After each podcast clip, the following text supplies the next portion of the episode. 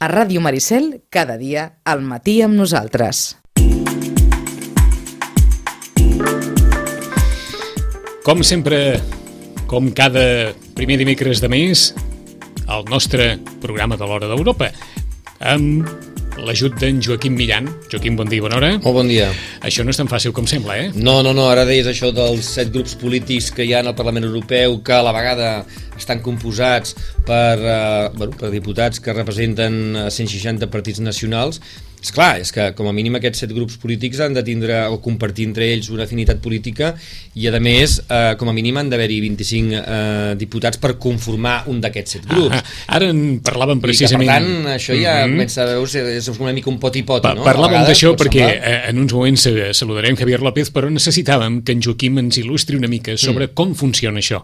Parlem de Javier López com l'home que ha aconseguit guanyar les primàries del Partit dels Socialistes i que, per tant, es postula com el cap de llista del Partit dels Socialistes. Però això no vol dir que sigui el primer de la llista dels socialistes. No, perquè, per exemple, hi ha, hi ha normes eh, comuns en el que són les eleccions a la Unió Europea dins dels, de l'àmbit dels diversos eh, 28 estats membres, però després hi ha les lleis nacionals de cada estat membre. En el cas espanyol tenim una circunscripció electoral única i això mm, no permet mm, massa jocs i, per tant, el que vol dir és que prèviament moment has de, bueno, has de posar d'acord amb quina, en quina, en quina llista electoral eh, et presentaràs. En el cas del Partit Socialista, home, és evident i clar, es eh, això vol dir, dins això, el Partit Socialista Obrer Espanyol. D'acord, és a dir, la circunscripció electoral única, tornem-ho a recordar, és aquella que defineix que tu faràs una llista tenint en, compte, tenint en compte tot, tot l'àmbit territorial exacte, espanyol. Exacte. Per tant, en aquesta llista hi haurà catalans, extremenys, madrilenys, de gallecs, tot. hi haurà gent pot, de tota mena. Pot, pot o no, però vull pot dir, o no, perquè tu però... podem presentar una, eh, diguem aquí llista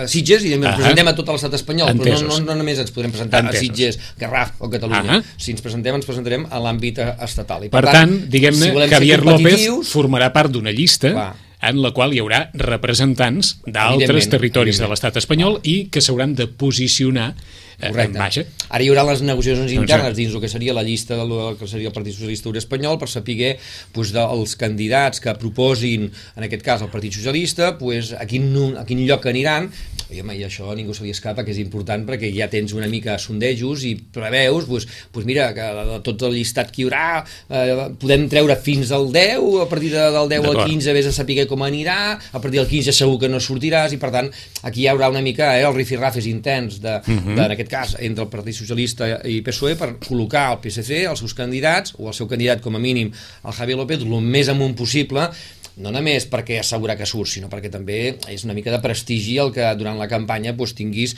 el teu candidat el més a dalt col·locat a la llista. No? D'acord, li preguntàvem a Joaquim també per altres circumstàncies. Per exemple, avui que parlarem amb, amb Josep Maria Terricabres, el cas d'Esquerra Republicana, Correcte. i deien Joaquim, bé, es pot plantejar Josep Maria Terricabres com el cap de llista d'Esquerra Republicana si Esquerra Republicana va sola. Va sola. Si anés amb algú, òbviament tornaríem a estar de negociar i, i llavors podria ser que pues, Esquerra Republicana tingués el 1, el 5, el 10 i tal, i amb els altres partits polítics en els quals se composa la llista, doncs, eh, bueno, pues anirien recol·locant-se, no?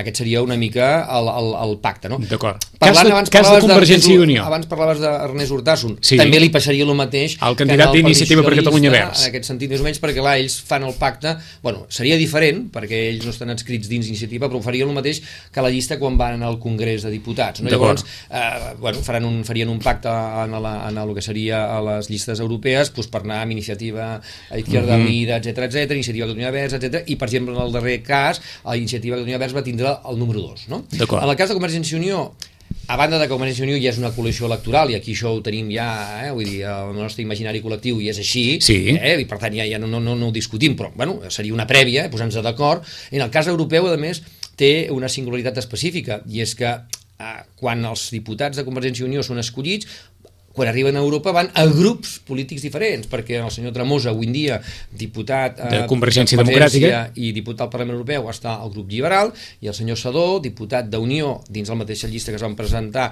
en el seu moment, està en el grup eh, dels conservadors i demòcrates cristians. Per tant, Pregunta. I a la vegada... Eh, això, el, el diputat és lliure de descriure's d'aquesta manera? És la, la pròpia formació? És la pròpia formació, és la pròpia perquè formació. La, la, la, la, la normativa del Parlament Europeu ens està explicant que una vegada es tenen allà, els grups es fan uh -huh. per una certa afinitat política. Sí que és veritat que que bueno, és més clar doncs, el grup socialista, el grup popular, els liberals, els verds, però després hi ha grups que a vegades dius, bueno, és una mica, aviam, quina afinitat política. Doncs pot ser no adscrit, com aquí, no? Eh? el grup no adscrit, que en el Parlament Europeu doncs, hi ha un grapat de gent. No? Recordem que les últimes eleccions ens va fer molta gràcia en aquell moment aquell, aquell, aquella gent que es va presentar pel partit pirata, no? I, i que, bueno, que hi ha eurodiputats, no? especialment crec que eren dos sí. suecs, no? O, i tal, però, i, i, bueno, estan els no adscrits, no? Bueno, ara hi hem vist, darrerament, fa uns mesos, i aquí ho vam comentar, que la, la ultradreta europea eh, o l'extrema dreta europea havia ja uns certs partits que que comencen a preveure que poden tindre un pes específic, havien fet ja una aliança per conformar un, un grup polític ja europeu, justament pensant en les eleccions europees, no? per també dir, no, no, tindrem un grup propi també. Ah, no? Que quedi clar, doncs, que grups polítics que aquí poden tenir poc recorregut electoral... Podria ser, sí, clar. Poden tenir recorregut electoral a Europa. Exactament pot passar això, eh? Exactament. Que, que diguis, home, ni al Parlament de Catalunya ni al Parlament de Madrid hi ha representació de determinades formacions i, en canvi, que resulta que hi hagi un representant de l'Estat d'un determinat tipus de formació que aquí no té un pes específic, que aquí no té un pes específic i en canvi a Europa s'hagi aconseguit encaixar. Surt com a diputat i donat allà doncs, pot tindre... Bueno, de fet, de fet, aquesta tendència que fins ara era això d'Europa anem a enviar eh, el cementiri d'elefants i tal, ja veurem amb alguns candidats no és així, però és que a més a més inclús amb alguns, per, amb alguns països, i aquí l'estat espanyol ja ha passat, eh, s'han agafat diputats al Parlament Europeu en actiu per portar-los a la política nacional i fer-los inclús ministres o secretaris d'Estat. És a dir, estan començant a passar coses que ja no es pot dir allò tan relaxadament. Bueno, això d'Europa enviem a qui emprenya, a qui molesta o a qui no sé què. Mm, no sempre passa, eh? a vegades és tot el contrari, no? Pots fer carrera política a Europa.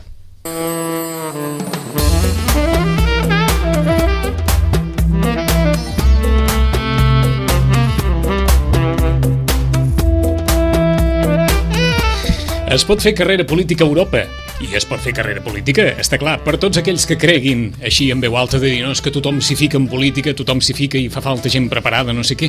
Eh, és clar, aquest argument amb Josep Maria Terricabres no se li podrà retreure massa massa encara.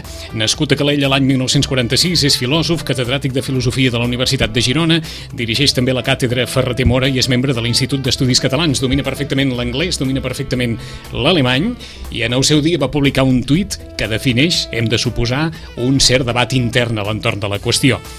Deia Josep Maria Terricabres el 30 de novembre de l'any passat Hora important per Catalunya. Això ho deia a un quart i cinc minuts de set. Hora important per Catalunya, Esquerra Republicana em demana un pas endavant i em sembla que l'he de fer. Per això accepto ser candidat al Parlament Europeu. Vet aquí, doncs, pels qui pensin que les carreres de lletres no donen massa de sí, un filòsof col·locat de cap de llista d'Esquerra Republicana a les eleccions al Parlament Europeu. Josep Maria Terricabres, bon dia, bona hora. Eh, bon dia, bon dia. Eh, què fa un filòsof ficat en política? Bé, de fet, eh, sospito que no és exactament perquè sigui filòsof, oi? Eh, eh, això, és, això és bo és dolent? Eh, bé, eh, m'imagino que és l'activitat de les persones i el pensament de les persones el que pot ser bo o dolent, uh -huh. i un bon pensament el pot tenir un enginyer, i el pot tenir un mecànic, i el pot tenir fins i tot un futbolista. Uh -huh. eh? Ben triat. Uh, ho, ho preguntàvem d'aquesta forma, eh? perquè no sabem si en alguns àmbits haurà va, diem sorprès, i ens matiseu fins on, fins on cregueu conveient, que, que una persona, un filòsof, un, un pensador, s'hagi ficat en un món on gairebé d'una forma compulsiva, dia sí, dia també, es deixen anar amb missatges a vegades sense massa reflexió. Sí, sí la, veritat, la primera cosa és que evidentment jo no seré si sóc elegit, eh, la primera cosa que s'ha de dir és aquesta, oi? Si sóc elegit, no seria el primer eh, filòsof que va a Europa. N'hi ha ple quan un mira la història del Parlament Europeu, des del celebèrrim Gianni Battimo, eh, italià, que ha sigut parlamentari, fins a l'amic eh, eh, l'amic Xavier Robert de Ventós, uh mhm. -huh. que ha estat parlamentari. Eh? Per tant, no seria el primer. La, la segona cosa mm, és que el que realment és bastant important és si, si en sabem i podem entre tots potenciar el Parlament Europeu.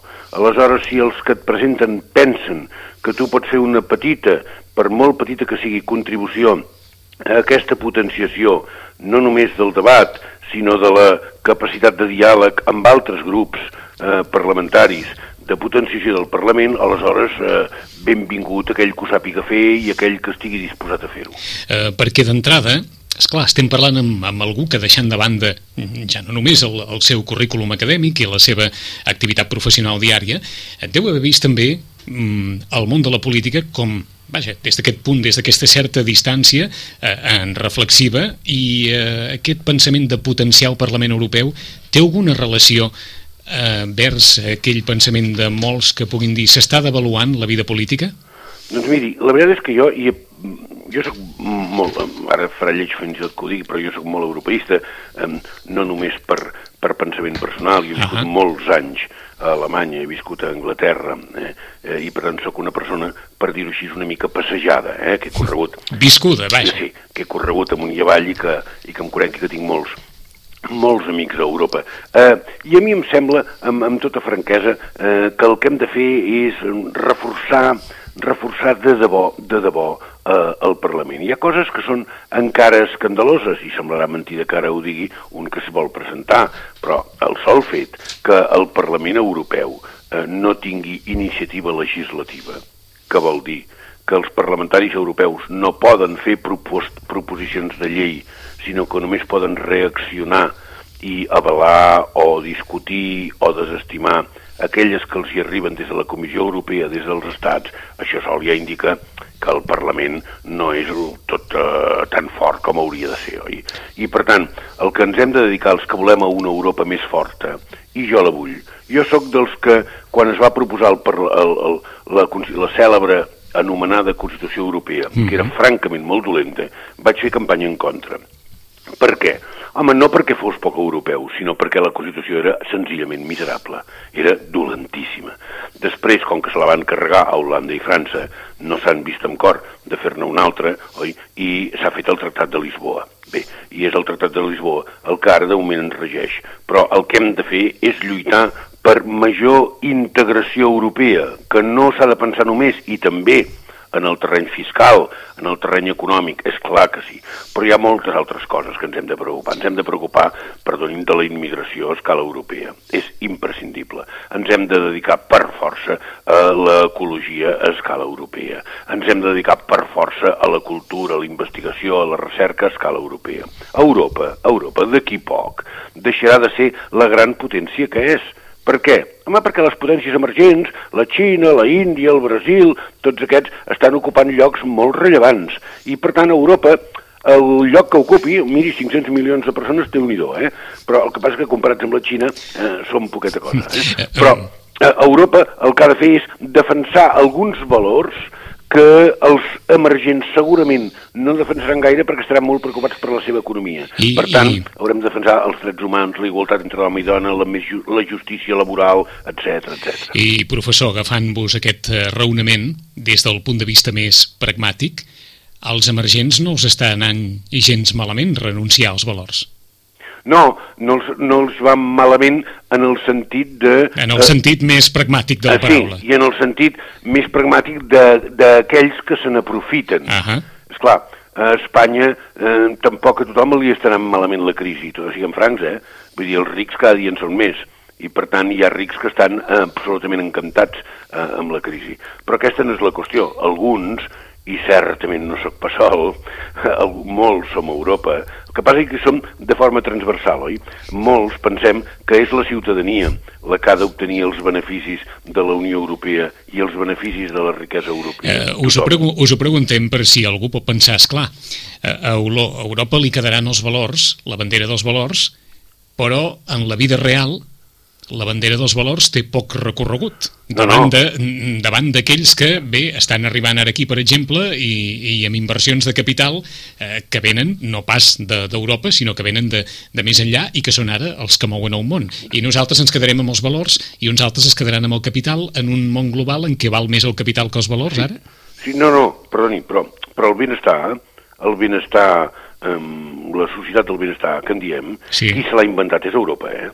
A veure, i per tant el benestar econòmic, social, laboral, etc. El que passa que ara està en crisi, però no, no, no ens pensem que ens ha vingut d'alguna altra banda, que ens mm -hmm. l'ha mhm. imposat ningú. No, però no. Europa ha inventat un sistema que tothom enveja, però que ni la pròpia Europa pot assumir?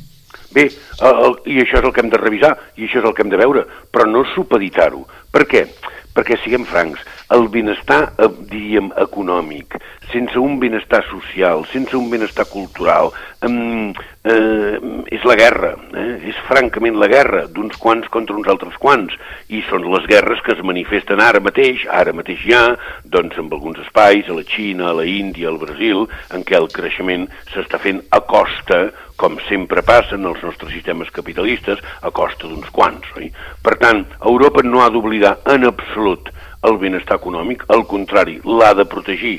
Però una manera de protegir el benestar econòmic, per exemple, és la cultura la cultura, i que tothom tingui capacitat crítica, i que tothom tingui capacitat de participació, i que les dones siguin iguals als homes. I això, doncs, són valors, eh? Són valors molt importants, però que defensen i protegeixen el benestar social. Eh, ens heu deixat ara moltes qüestions sobre la taula. Sí. Una, eh, i no sé si aquesta darrera té molt a veure amb una tradició centroeuropea on la cultura i l'esperit crític està bastant més potenciat que el que l'hem potenciat aquí.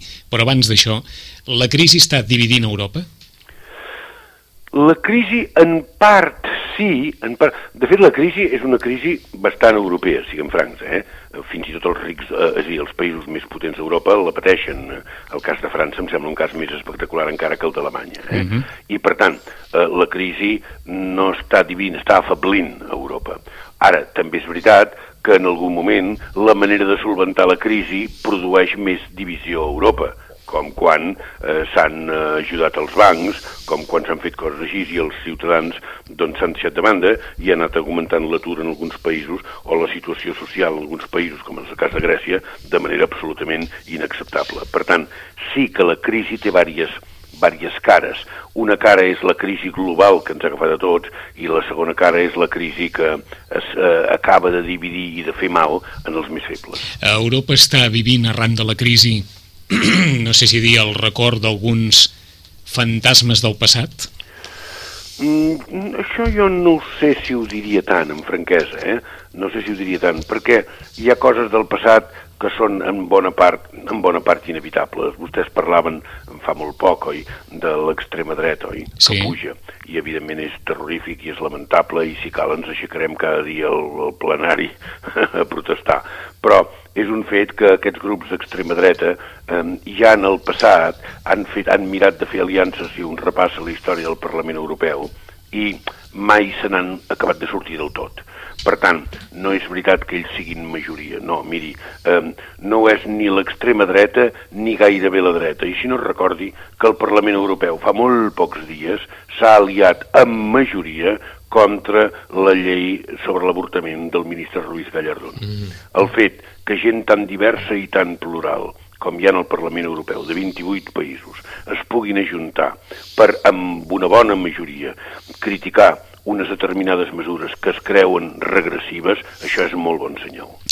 Quantes persones us han dit, i si és això un, no sé, un bon suggeriment o una bona, o una bona reflexió en veu alta, eh, escolta que el Parlament Europeu alguna cosa s'ha de dir del cas de Catalunya. I sí, eh, Josep Maria Terricabres ha dit bé que les eleccions al Parlament Europeu mm, mm, són per això, però són per altres coses, i, i com encaixar aquesta realitat que vivim actualment en un procés com el de les eleccions europees, en què no sabem si això s'hi pot encaixar més o menys. Sí, no, eh, això, efectivament. Eh, el que passa és que no, no, jo no sóc partidari d'anar a Catalunya dient eh, escolteu, per Europa el problema més important és Catalunya, perquè la cosa faria gairebé riure. Eh? Uh -huh. Hi ha coses que el ridícul val més no fer-lo, sobretot des del començament. Eh? I, per tant, a Europa el que li hem d'anar a dir nosaltres, els catalans i els catalans sobiranistes, i confio que no seré pas sol si hi puc anar, eh, el que hem de recordar a Europa són els grandíssims problemes que té Europa i les ganes que tenim nosaltres de contribuir a la seva solució. I quan diguem i fem això, veuran que aquests catalans que hi arriben són valuosos, van bé, són gent als quals s'ha de potenciar i ajudar.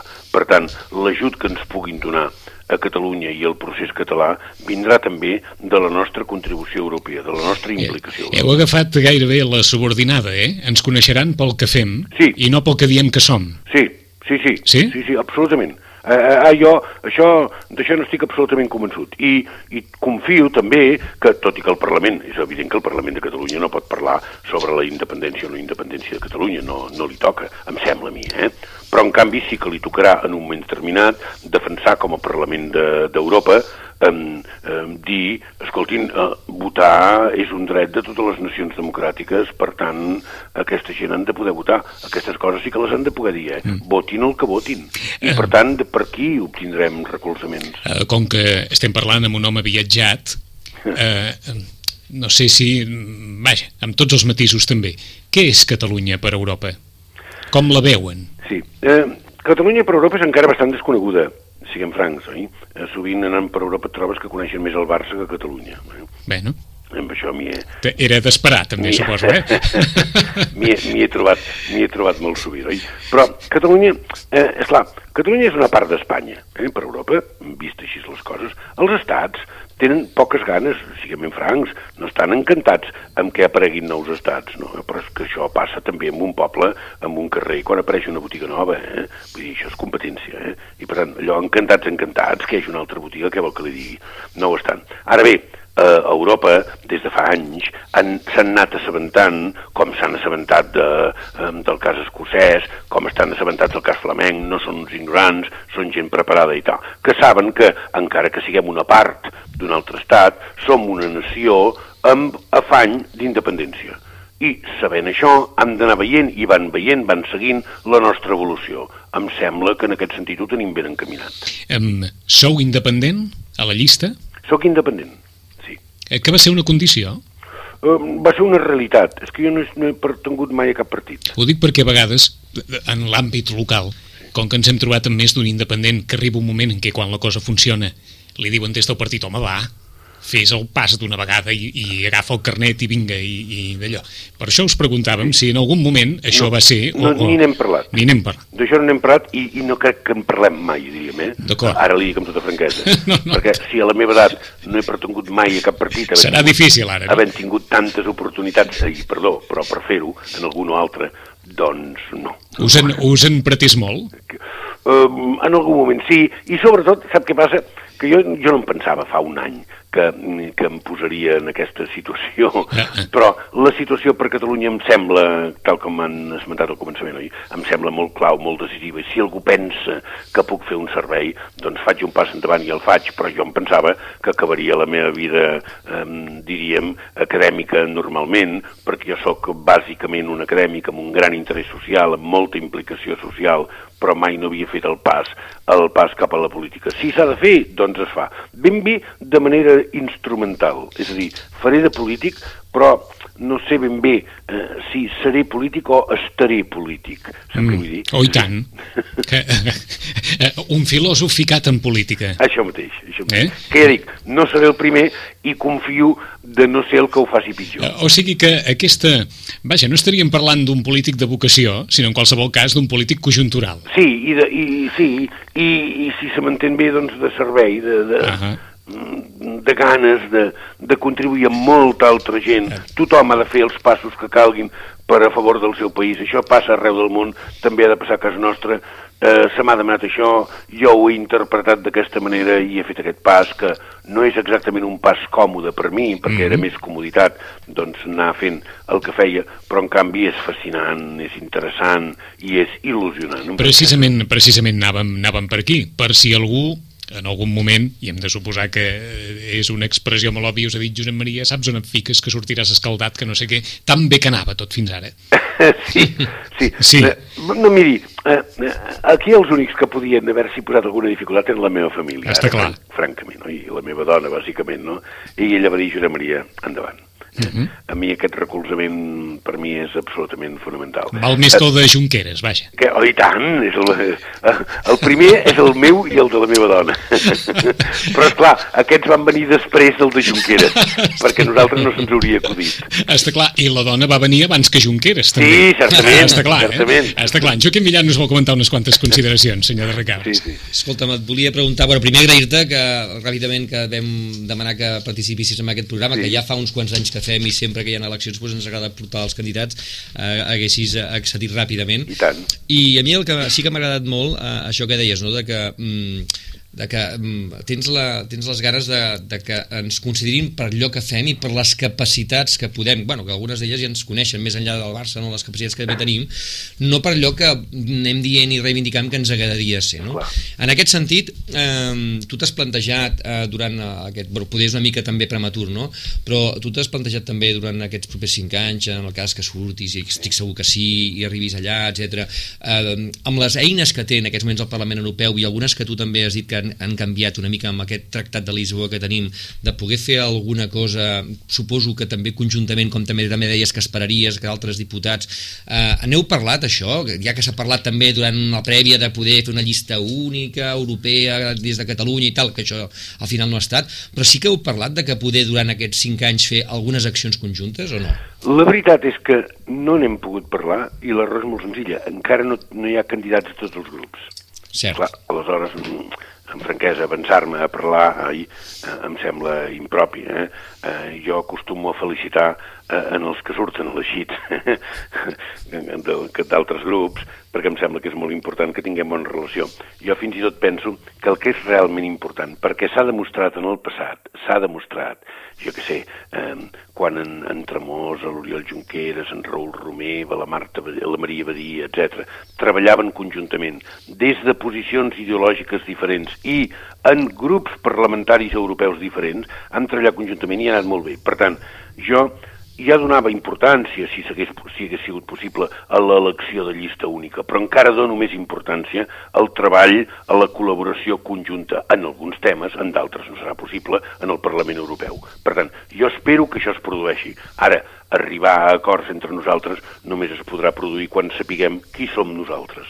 Molt bé. I l'última pregunta, més que res, lligant una mica amb el que fèiem, el que ha començat nosaltres a fer una mica de pedagogia explicant com funcionen les llistes electorals aquí, ja ens podries dir, si saps, o des d'Esquerra Republicana ja s'ha anat plantejant, si s'ha dit, a quina coalició electoral es presentarà sí. a Esquerra Republicana a les properes eleccions europees? Sí, jo crec sí, que també uh, això és clarificador per la gent. Sí, nosaltres estarem en el mateix grup en què hem estat, eh, diguem, en el passat, que és l'ALE, eh? uh Mhm. -huh. és l'agrupació lliure d'Europa, eh? eh, que també els verds, eh? I que, esclar, és que la gràcia, una gràcia que té eh, el, les eleccions europees que a vegades no es veu prou, és que no presentes una llista per dir-ho així, de 20 persones o 25 persones per, com passen els parlaments nacionals, per veure si els obtens gairebé tots i si formes govern, oi? No hi ha ningú a Europa que pensi que formarà govern. Això no pensen ni els alemanys, oi?, que tenen tanta gent. L'únic que pensen és, a veure, quants en portem en allà, eh, i després, en els diferents grups en què ens posem, quina influència podrem tenir, quines aliances podrem fer, eh, quines pressions, eh, quines coalicions eh, instrumentals podrem fer. Per tant, jo des de l'ALE, on em trobaré doncs, amb escocesos, amb alemanys, amb italians, etc, he de mirar no només que aquest grup eh, combregui amb algunes de les coses que jo plantejaré, tal com jo he de combregar segurament, vaja segur, en moltes de les coses que ells plantejaran, sinó que hem de mirar que aquest grup sigui capaç també d'aliar-se, mm, d'influir amb altres grups de la cambra, oi? El nostre és el quart grup de la cambra, eh? Mm -hmm. ja, almenys era. Eh? I per tant dependrà una mica de l'elecció aquesta vegada, de quants en surtin elegits i, i de quin grup puguem formar. 10 i 47 minuts, eh, professor Terri Cabres, gràcies per estar aquí amb nosaltres. Gràcies, fins la propera ja ens irem retrobant. Només faltaria, encantat, encantat d'haver parlat amb vosaltres. Gràcies, adeu-siau, bon, bon dia. Bon dia, bon dia. Bon dia.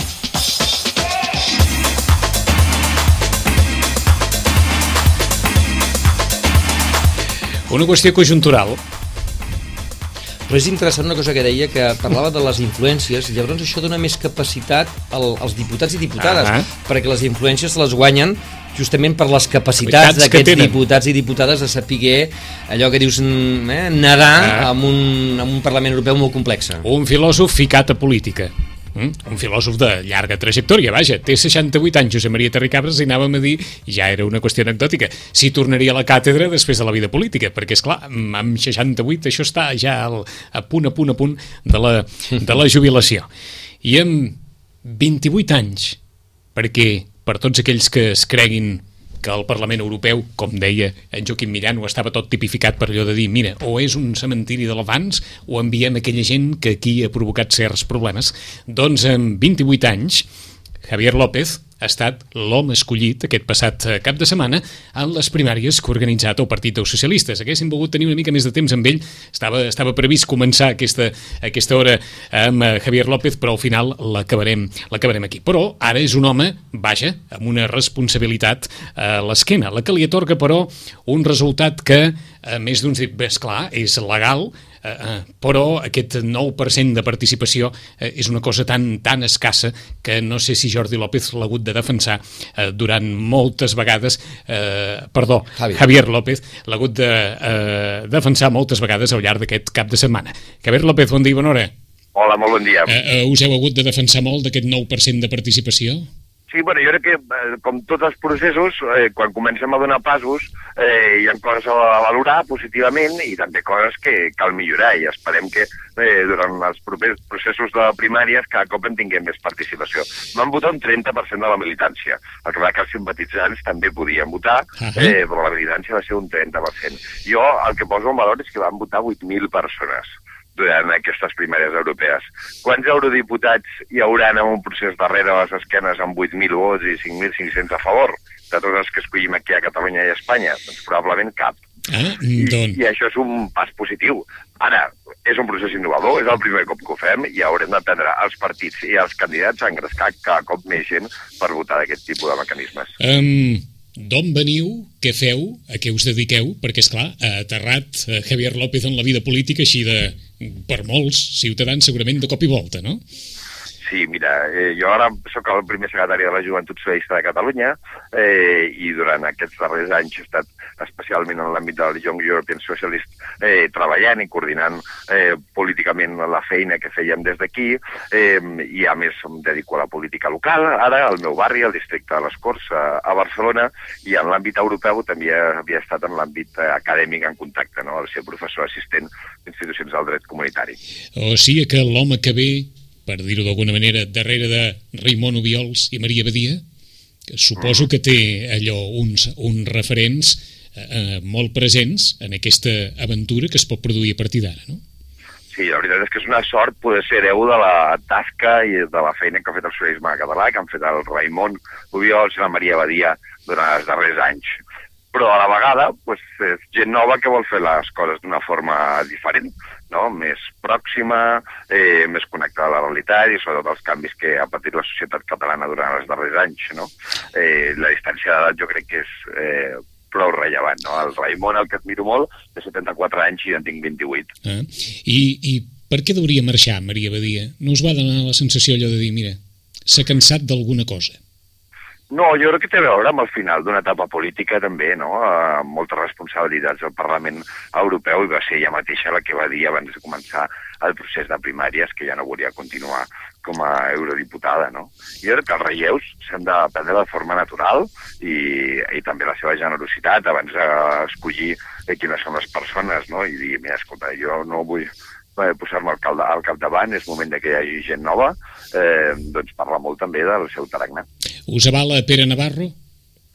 No, a mi m'avalen els 5.500 vots que he rebut en unes primàries. Sou hàbil, jo... però, sou hàbil, però ja ens heu entès, oi que ens heu entès? Eh, no, jo crec que és, és, és important que hi hagi primàries i que tothom voti igual, no?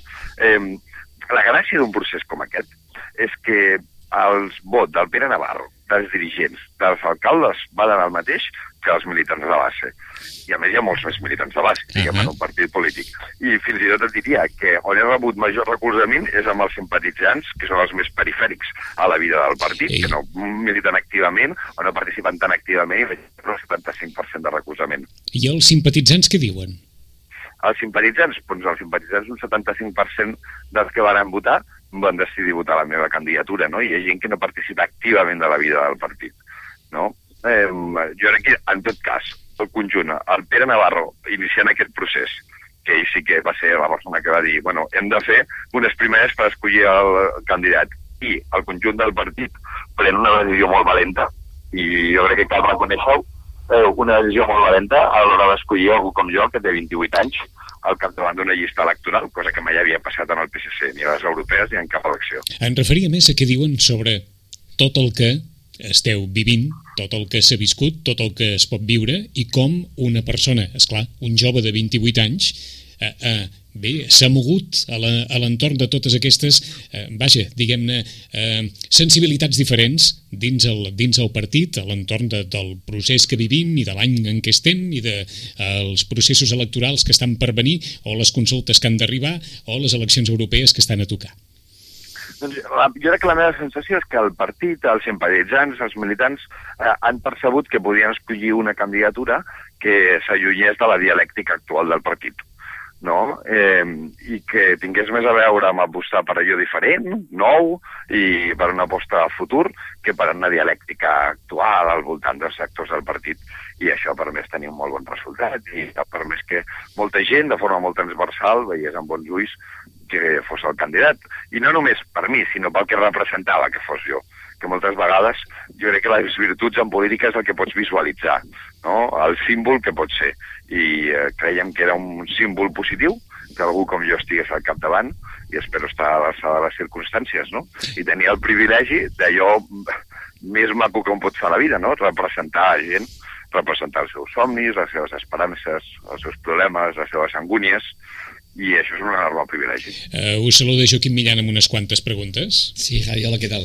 Doncs abans amb el Vicenç parlàvem i ell em preguntava tu creus que és el candidat que hem tingut a les eleccions europees català més jove de la història? Jo penso que sí, no, Javi?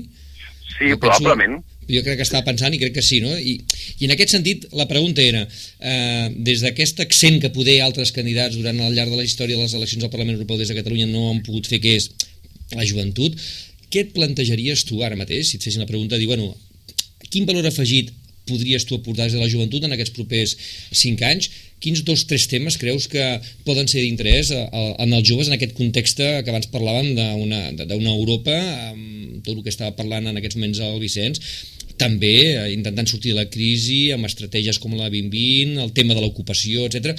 Eh, què creus tu que... On podries posar l'accent, així, ràpidament, eh? Uns tres flaixos o dos flaixos, pim-pam. Mira, jo crec que la visió de la meva generació sobre Europa és la visió que ara encaixa més amb la majoria de la societat. Jo vinc d'una generació molt europeista, eh, jo he viscut tota la vida dins de la Unió Europea, però a la vegada en som molt crítics amb les receptes que ha imposat la, la Unió Europea durant la crisi econòmica, perquè a més som però potser de les franges de la població que més ha patit en primera persona.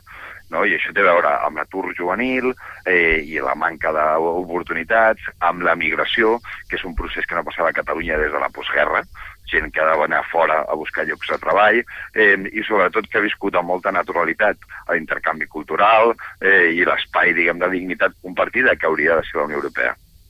Molt bé. Perquè tu vas néixer al 86, no? El 85. 85, justament, re, a, a, tres ah, mesos poc. abans, com el que diu, quatre mesos abans de que la Espanya entrés a el que era, en aquell moment, a la Comunitat Econòmica Europea, Unió Europea per tots nosaltres avui. No? Clar, clar, quan has dit això, jo he estat sempre, ja quasi, quasi des que vaig néixer, i clar, m'ha donat a pensar, estava fent números mentre deia, ostres, és veritat, no? És poder el primer candidat que hem tingut que realment eh, ja, ja, ja ha nascut quan estàvem, conformàvem part d'aquesta Unió Europea, no? Exacte. Mm, en aquest sentit, els joves han de no sé si dir, revolucionar les institucions europees? Jo crec que han de portar una energia diferent i una visió diferent.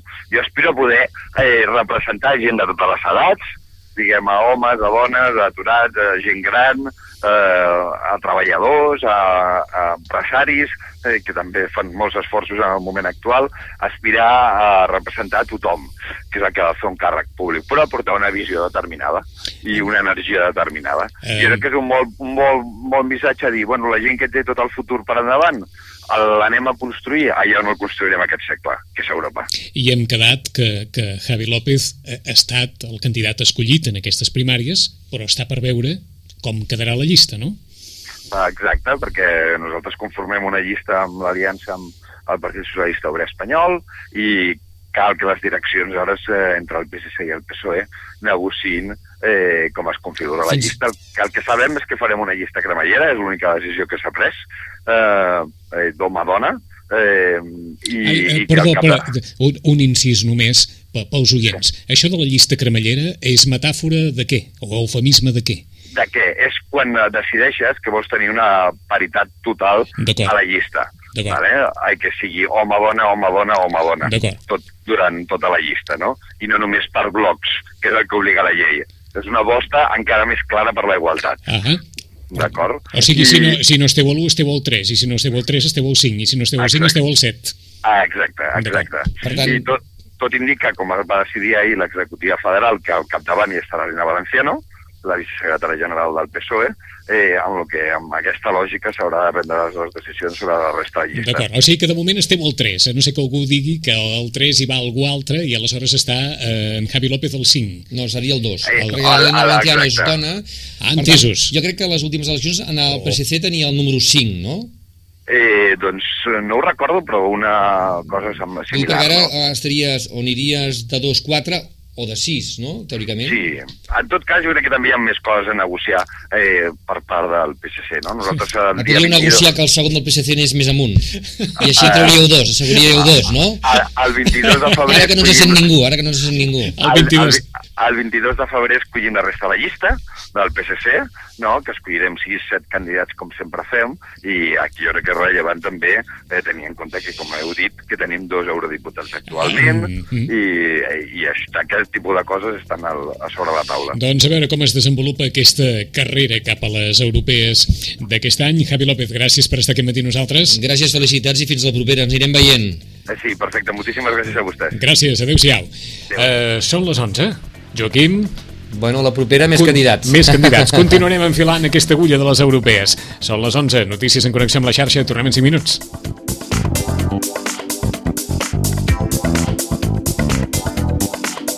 Ràdio Maricel, cada dia, al matí amb nosaltres.